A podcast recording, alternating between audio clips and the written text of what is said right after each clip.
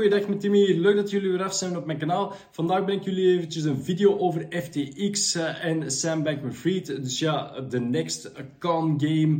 En uh, ja, uh, we gaan daar ook eens eventjes een vergelijking doen met de Bank of Japan en de Bank of England. Vinden jullie mijn video's leuk? Vergeet zeker en vast geen like achter te laten. Vergeet je niet te abonneren en vergeet ook niet op het belsymbool te drukken, zodanig dat je in de toekomst de hoogte wordt gesteld van nieuwe video's. Wens je naar specifieke delen over te gaan van de video, dan kun je dat door onderaan op de timestamps te klikken en naar de delen over te gaan die jou interessant lijken. Dus ja, Sam Bankman-Fried, ja, hij heeft een redelijke reputatie opgebouwd. Uh, hij stond zelfs op Fortune als de next uh, Warren Buffett. Hij heeft uh, FTX opgebouwd in drie jaar tijd, wat eigenlijk ja, redelijk impressionant was. En ja, hij komt naar voren als de redder in nood van andere cryptobedrijven die problemen hebben. En zo zien we bijvoorbeeld dat Sam Bankman-Fried een bailout had gedaan van BlockFi en Voyager. En dit door middel van een krediet te verstrekken via Alameda, uh, Bankman Fried's uh, quantitative trading firm. Ja, houd die naam Alameda eventjes op de achtergrond. Uh, we komen daar eventjes later terug bij terecht. Dus ja, hij wordt de volgende Warren Buffett genoemd. Is hij echt de next Warren Buffett? natuurlijk niet.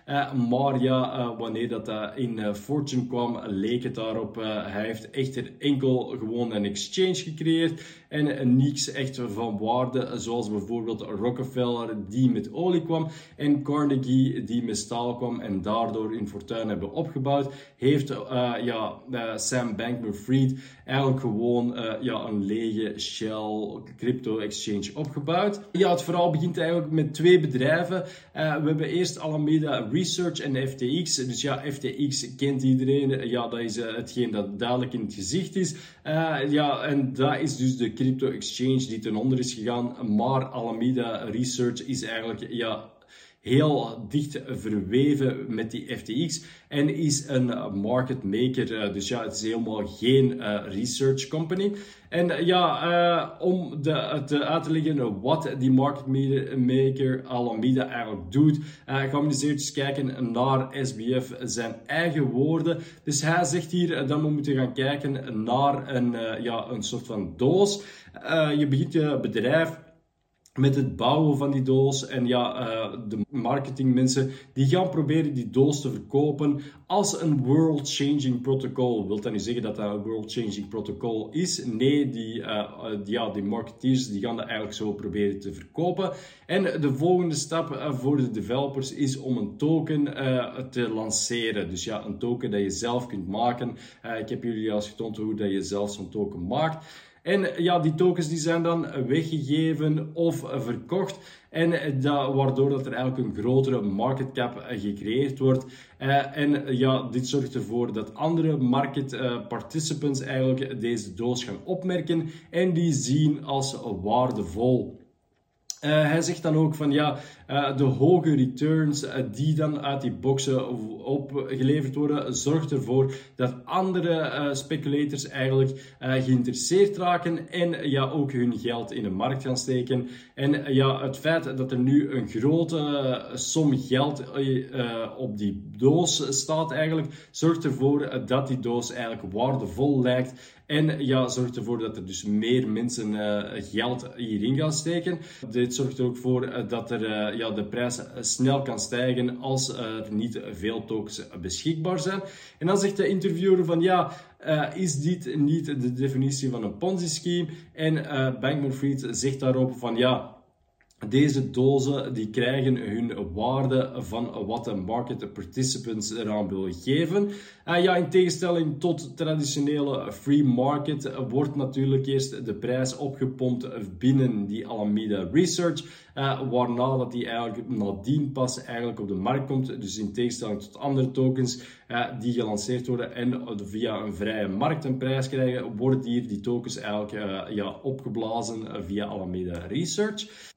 Wat zegt hij hier dan nog verder op? Dus ja, ondanks het feit of dat onduidelijk is of dat die Turkis eigenlijk wel zelfs een market cap zou mogen hebben, uh, is Bankman-Fried eigenlijk gelukkig om deze toch aan te bieden op zijn FTX exchange. Ja, is dus geen vettingproces zoals bijvoorbeeld bij Binance of Coinbase. En ja, Sam Bankman-Fried is zelf ook niet zeker of dat die tokens wel een market cap mogen hebben, maar hij gaat ze toch verkopen. ja, waarom neemt hem deel in any of this? Ja, waarschijnlijk omdat hem daar geld mee kan verdienen. Uh, ja, en zo zien we ook dat het FTT-token, dus het token van FTX zelf, op dezelfde manier wordt gecreëerd. Dus ja, eerst komt dat token op de markt. Uh, en uh, ja, dat blijft eigenlijk redelijk laag in waarde. tot het gaat, passeert via market maker Alameda Research. En dan, vanaf dan zien we eigenlijk die prijs omhoog schieten. waardoor dat de token eigenlijk waarde krijgt. Zit daar iets achter? Niet per se, uh, maar ja, uh, toch uh, krijgt het een zekere waarde. Ja, waar is de eerste domino dan beginnen vallen? Ja, er is eerst uh, via Coindesk eigenlijk een uh, journalistiek stuk uitgekomen waarin dat de balance sheet van Alameda is gelekt. En in die balance sheet van Alameda stond in dat ze eigenlijk het grootste deel van hun balans bestaat uit die FTT-token. Ja, die FTT-token, zoals ik al eerder zei, dat is eigenlijk ja, meer opgeblazen lucht dan wat anders. En ja, de investeerders die beginnen dat natuurlijk ook in te zien en die zeggen van oei, die balance sheet, er staat enkel dat FTT-token op, uh, wat eigenlijk een grotendeels een illusie is. Uh, dus ja, uh, op zich is dit zeker en vast geen goed idee. En ja, moeten we toch zien dat we hier op een of andere manier uitstappen. zeker en vast als ze zien dat Alameda eigenlijk de grootste holder is van zijn eigen FTT-token, is het hekje eigenlijk van de dam. Dus ja, als we naar het uh, artikel van Coindex eh, zelf gaan kijken, uh, zien we eigenlijk dat Alameda zogezegd 14,6 miljard in assets heeft. Maar het meeste van die assets is eigenlijk het FTT-token dat gelanceerd wordt door FTX.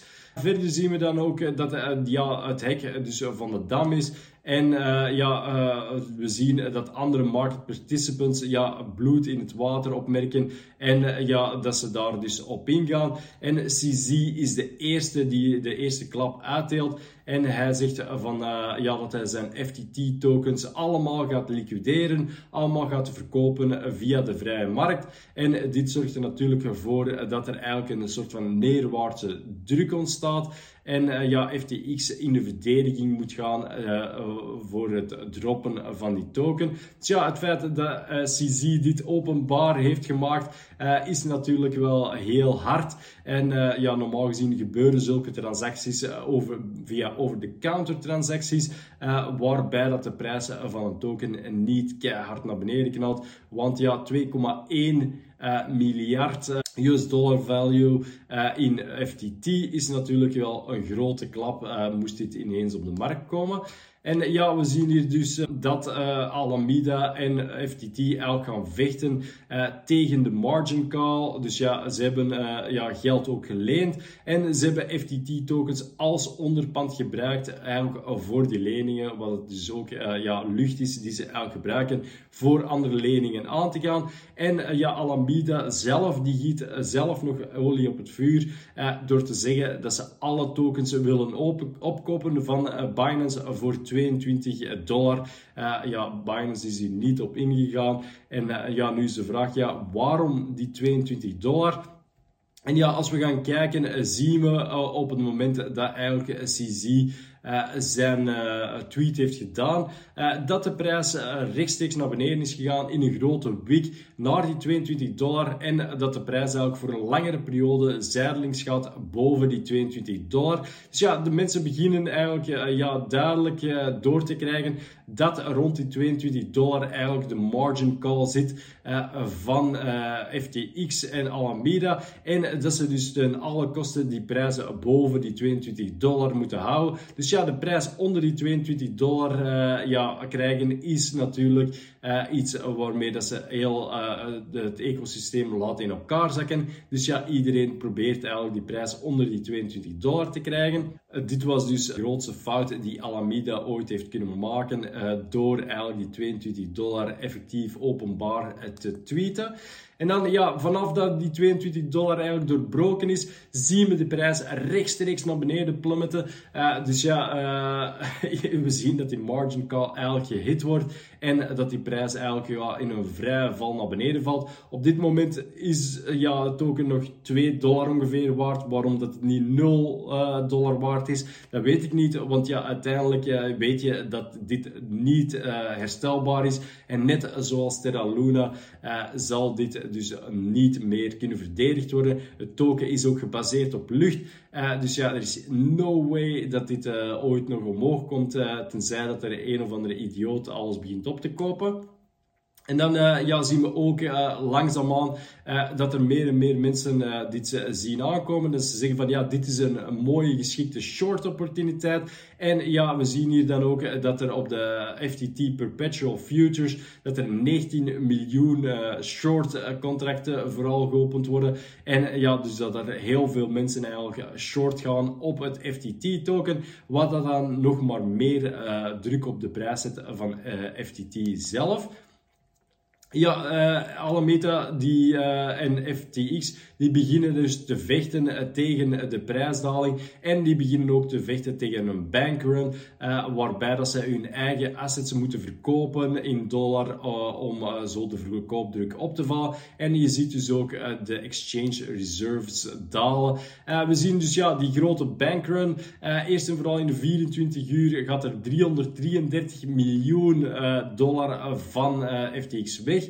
48 eh, uur later zijn dat al 672 miljoen dollar. En één week net outflows uit FTX uh, bedragen 1 miljard 140 miljoen dollar. Dus ja, redelijk wat geld dat uh, wordt afgehaald. En ja, we zien hier eigenlijk, ja, de domino's zijn volop aan het vallen.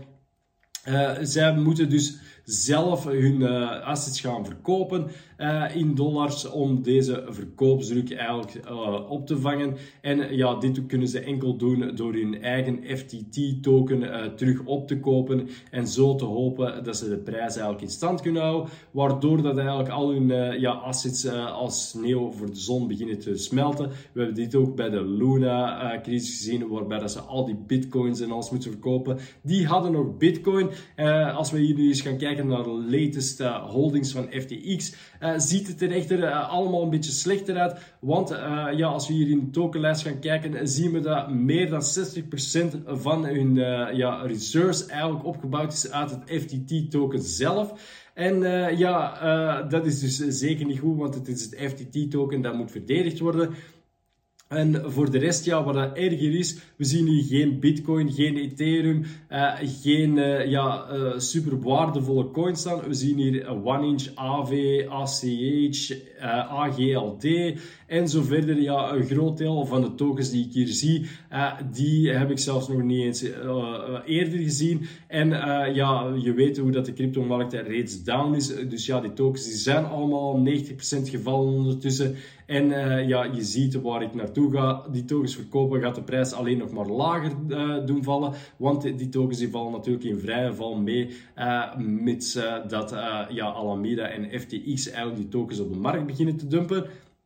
Dus ja, er zit hier geen Bitcoin tussen, geen Ethereum. Dus ja, ze hebben geen echt vangnet eigenlijk om die tokens op te vangen. Mijn idee is eigenlijk dat ja, Sam Bankman-Fried eigenlijk hoopt door te gaan met deze scam tot de volgende bullrun. Uh, redelijk wat risky tokens in zijn reserve had. Hoopte dat deze ja, 20, 10x, 30x ten opzichte van Bitcoin ging. Dan op dat moment in de grote bullrun deze tokens allemaal te verkopen naar Bitcoin.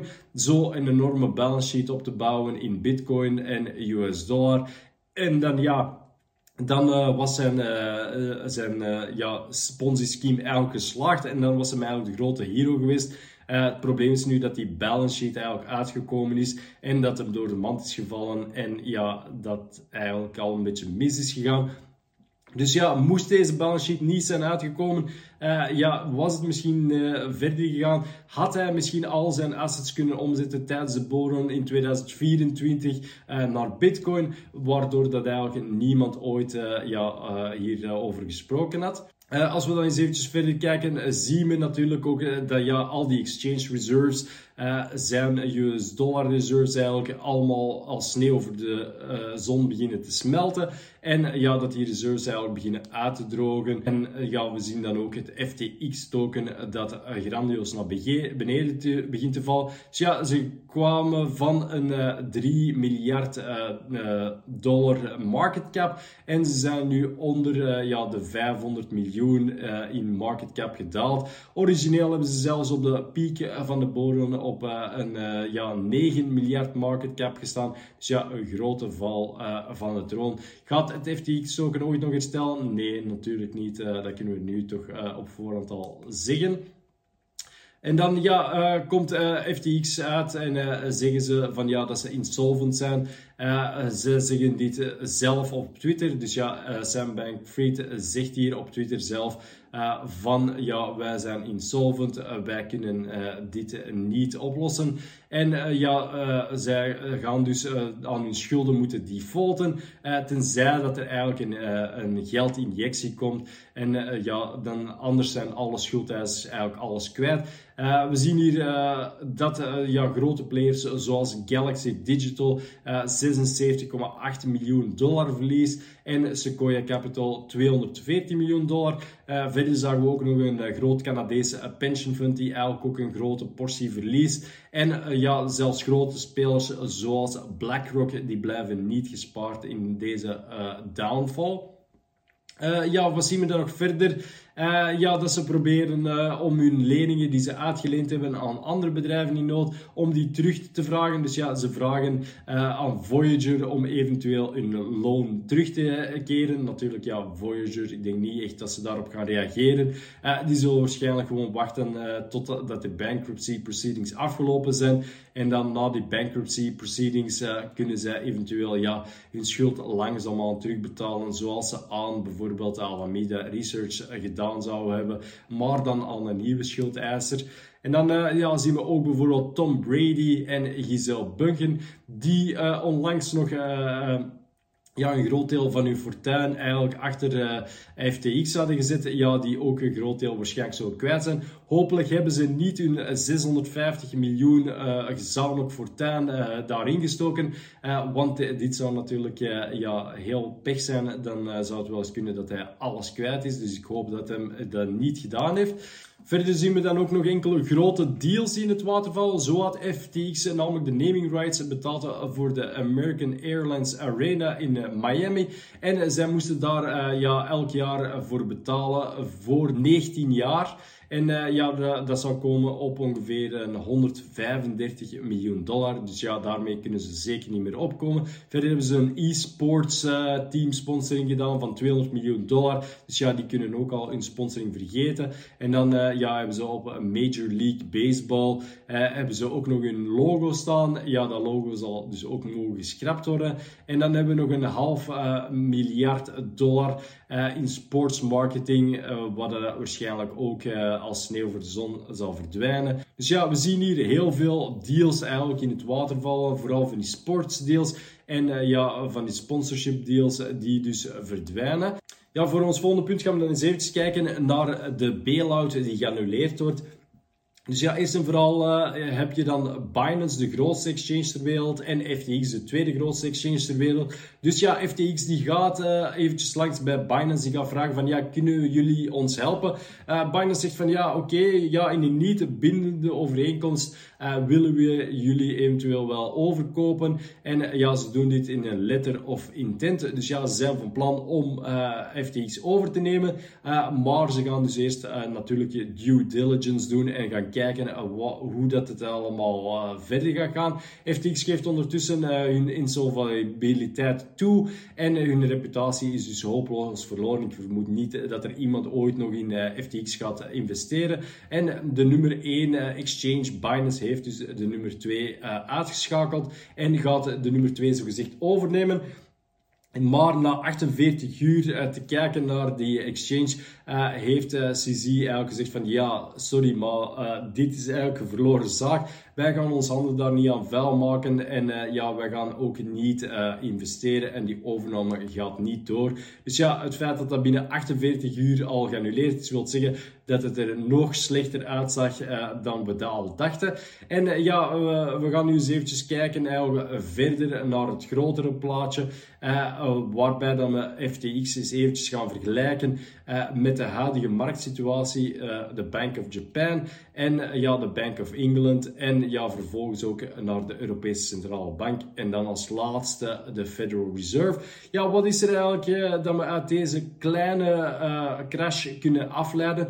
Ja, FTX die is eigenlijk de enige koper van hun eigen token. Niemand wil FTX niet meer kopen, waardoor dat die prijs van FTX eigenlijk naar beneden uh, valt in een regelrechte lijn naar beneden. Ja, hetzelfde uh, uh, komt nu voor eigenlijk op een, een macro-economische schaal. Uh, ja, de centrale banken die zijn eigenlijk de enige kopers van hun eigen geld en hun eigen obligaties. En dit zien we dan op deze momenten ook gebeuren bij de Bank of Japan. Dus ja, niemand wil eigenlijk de yen houden. we zien de yen in waarde dalen. En dus de Bank of Japan, ja, die begint eigenlijk met allerlei assets te verkopen. zoals bijvoorbeeld bijvoorbeeld die US Treasury bonds. En ja, met die Treasury bonds beginnen ze eigenlijk de eigen yen in te kopen, uh, zodanig dat die prijs niet te neig naar beneden valt. Ja, dit gaat, dit gaat goed tot op een gegeven moment, totdat er geen geld niet meer is, natuurlijk om je eigen currency te kopen.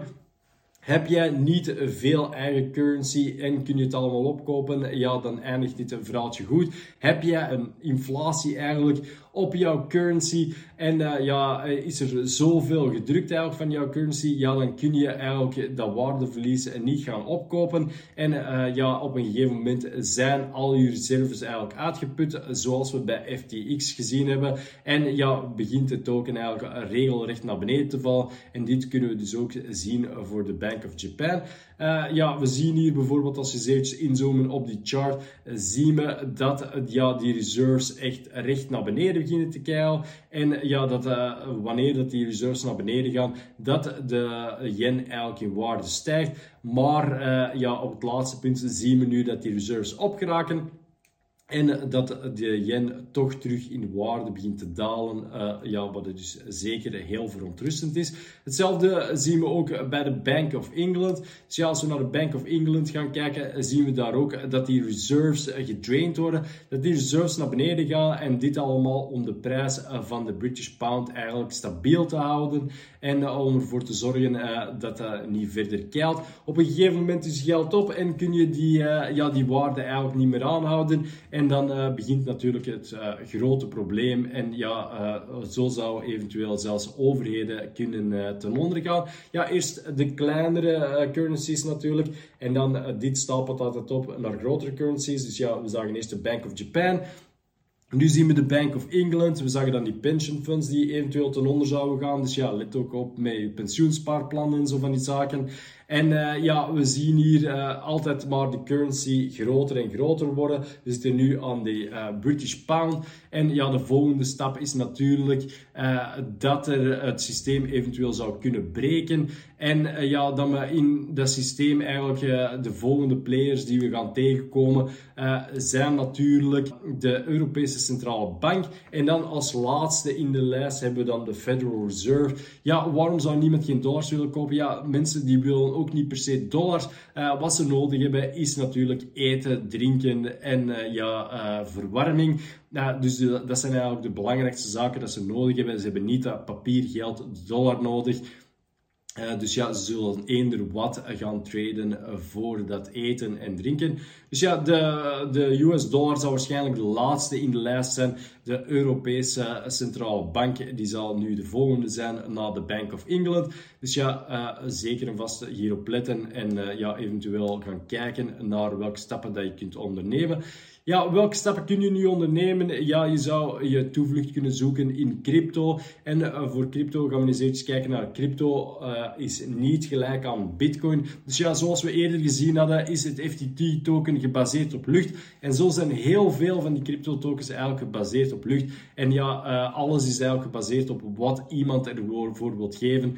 zelfs goud en zo. Uh, ja, als niemand het zou willen kopen, is goud natuurlijk ook niets waard. Uh, maar ja, mensen willen goud. Goud heeft allerlei functies. Uh, ja, goud kan voor allerlei productieprocessen gebruikt worden. Is een heel mooi materiaal. Is heel zeldzaam. En ja, zolang dat er vraag is voor goud, heeft goud natuurlijk een waarde. En het feit dat er niet veel bijgemaakt kan worden, zorgt er natuurlijk voor dat goud in waarde stijgt. Hetzelfde geldt ook voor Bitcoin, maar ook zoals goud. Ja, als mensen Bitcoin willen hebben, dan geeft het natuurlijk een waarde. En uh, ja, als mensen geen Bitcoin willen hebben, ja, dan zal het natuurlijk ook geen waarde hebben. Uh, op deze momenten is Bitcoin redelijk gewild, dus ja, uh, op zich is het een zeer interessante asset om naar te gaan kijken. Ja, US dollar krijgt ook de waarde die de mensen eraan geven. En je ziet dat die waarde over de jaren uh, langzaamaan afgenomen is. En je ziet dat de, de waarde eigenlijk exponentieel afneemt in de laatste jaren, vooral tijdens de pandemie. Uh, de belangrijke zaken die je moet rekening mee houden is dat je nu echt uh, geen uh, lucht gaat kopen op dit moment. En ja, dat je zelf niet te veel risico neemt door allerlei geld in allerlei zaken te steken. dit wil ook zeggen, ja, laat ook niet te veel geld gewoon op je bankrekening staan, want je geld zou ook minder waard kunnen zijn. Dus ja, verspreid je risico. koop een beetje goud, koop een beetje bitcoin, koop een beetje Rolex, God knows what. iets waarmee dat je eigenlijk je net worth kunt reserveren. En ja, uh, voor mij is dat natuurlijk Bitcoin. Het is het makkelijkste om bij te houden. Het is het makkelijkste eigenlijk uh, ja, om mee te nemen, uh, moest je ergens naartoe moeten gaan. Uh, dus ja, Bitcoin is eventueel de way out. maar is dat de enige way out? Natuurlijk niet. er zijn nog andere assets die nog in waarde zouden kunnen stijgen. zeker als de dollar ook begint te vallen, ja, dan zie ik de prijs van goud en andere edelmetalen eventueel zeker en vast in waarde stijgen. Ja, dat was eventjes mijn view eigenlijk op het hele FTX dilemma en wat er allemaal gebeurd is met Sam Bankman-Fried. Dus ja, het had allemaal heel goed kunnen aflopen. Uh, was er nu een volgende bullrun geweest, uh, waren die assets, die balance sheet eigenlijk niet uitgelekt. Dan zou het goed kunnen hebben dat die, die uh, onbekende tokens die op zijn balance sheet stonden, dat die geëxplodeerd hadden in waarde, dat hij die tokens had kunnen gebruiken om bitcoin te kopen. En op deze manier ja, had je misschien een heel sterke exchange gehad met een ruime bitcoin balance. Uh, maar dat is dus niet gebeurd. het, echter, hetgeen dat mij het meeste schrik aanjaagt, en ja, waarvoor dat jullie ook zouden moeten opletten, is dat we een soortgelijk patroon zien verschijnen bij de Bank of Japan en bij de Bank of England. En ja, nu vervolgens komt dan de euro er nog bij en dit zal overspringen dan nadien naar de dollar. Uh, dus ja, uh, dit is een beetje verontrustend. Ik wil nu uh, mensen niet te veel ja, schrik aanjagen, maar ja, het is toch wel wijs om misschien uw assets te spreiden en te zoeken naar andere zaken die eventueel geen waardeverlies zou kunnen hebben. Ja, ga op zoek naar hard assets, zaken die uh, ten opzichte van de dollar uh, nog in waarde kunnen stijgen, die fysiek tastbaar zijn en waarmee dat je eigenlijk eventueel je net worth kunt beschermen tegen overinflatie. Dus ja, zeker iets om rekening mee te houden. Vonden jullie deze video nu leuk? Vergeet zeker vast geen like achter te laten. Vergeet je niet te abonneren en op het belsymbool te drukken. En dan hoop ik jullie spoedig terug te zien in een van mijn volgende video's. Fijne dag nog. Dag.